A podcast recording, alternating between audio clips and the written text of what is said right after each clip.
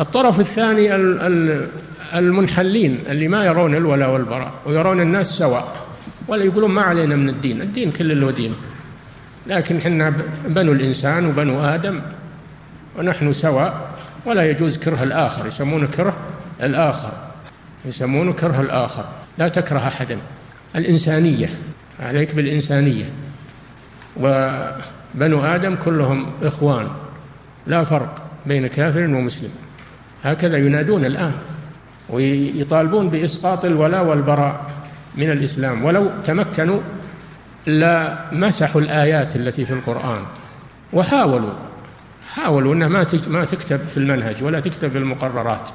حاولوا هذا أنها ما تكتب في المنهج لأن هذا يقولون يشوه المسلمين ويشوه آه، الإسلام وما أدري كيف. فهم على طرف النقيض مع الغلاة. هؤلاء مفرطون وأولئك مفرطون. إفراط أو أو تفريط. والدين الوسط هو ما ذكرنا. فأنت تحب من يحبهم الله وتعادي من عاداهم الله. لا تتخذوا عدوي وعدوكم أولياء. الله عدو للكافرين لا يحب الكافرين. فأنت لا تحبهم. فأنت تحب من يحبه الله وتبغض من يبغضه الله. هذا هو المقياس في الحب والبغض والولاء والبراء. تابع لمحبة الله وبغض الله للأعمال وللأشخاص. فأنت لا تحب من الأشخاص إلا من يحبه الله ولا تحب من الأعمال إلا ما يحبه الله. فهذا أمر يجب أن نتفطن له غاية التفطن. لأن الآن الحملة شرسة ضد هذا الباب. يريدون أن يقتلعوا الولاء والبراء من الإسلام وأن ما يكون بين الناس فرق. أبدا كلهم بنو آدم وكلهم إخوان وكلهم وكل له دينه يقولون كل له دينه يقولون اليهود يعبدون الله والنصارى يعبدون الله ونحن نعبد الله. يعني معناه صارت الأديان سواء كلها عبادة لله. نقول لا اليهود لا يعبدون الله وإنما هم كفار مشركون. النصارى أشد يعبدون المسيح ويقولون ثالث ثلاثة أو ابن الله أو هو الله. تعالى الله عما يقولون. هم لا يعبدون الله وليسوا على دين.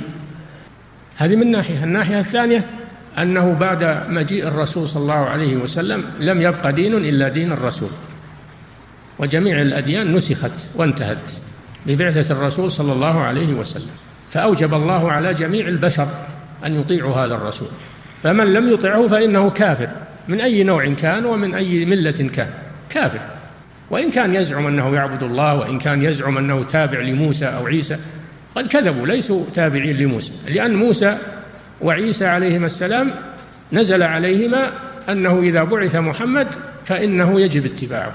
هذا في التوراة. النبي الأمي الذي يجدونه مكتوبا عندهم في التوراة والإنجيل يأمرهم بالمعروف وينهاهم عن المنكر ويحل لهم الطيبات ويحرم عليهم الخبائث فالذين آمنوا به وعزروه ونصروه واتبعوا النور الذي أنزل معه أولئك هم المفلحون. هذا الموجود في التوراة والإنجيل. فهم كذبوا في قولهم إنهم يتبعون موسى أو يتبعون عيسى. وهناك من يقول نرجع إلى دين إبراهيم. ما ما نبي يهودية ولا نصرانية ولا إسلام. نرجع إلى دين إبراهيم. هل دين إبراهيم غير دين محمد صلى الله عليه وسلم؟ محمد صلى الله عليه وسلم بعث بدين إبراهيم والرسل قبله بعثوا بدين إبراهيم. فكل الرسل الذين جاءوا بعد إبراهيم كانوا على دين إبراهيم.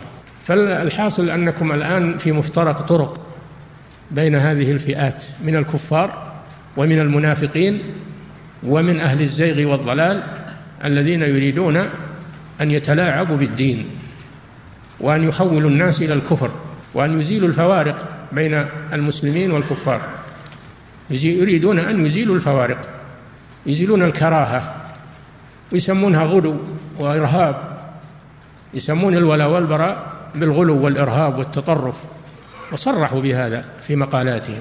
ولا يزال عفنهم يصدر الآن في الصحف والجرائد وال... لا يزال هذا العفن ينبعث من هذه البالوعات الخبيثة. فيجب أن نتفطن لهذا الأمر وأن يزيد حرصنا على فهم على الفهم. ما هو على الغيرة غير مؤسسة على على حق على الفهم الصحيح لدين الله عز وجل. لا إفراط ولا تفريط في هذا الباب وغيره.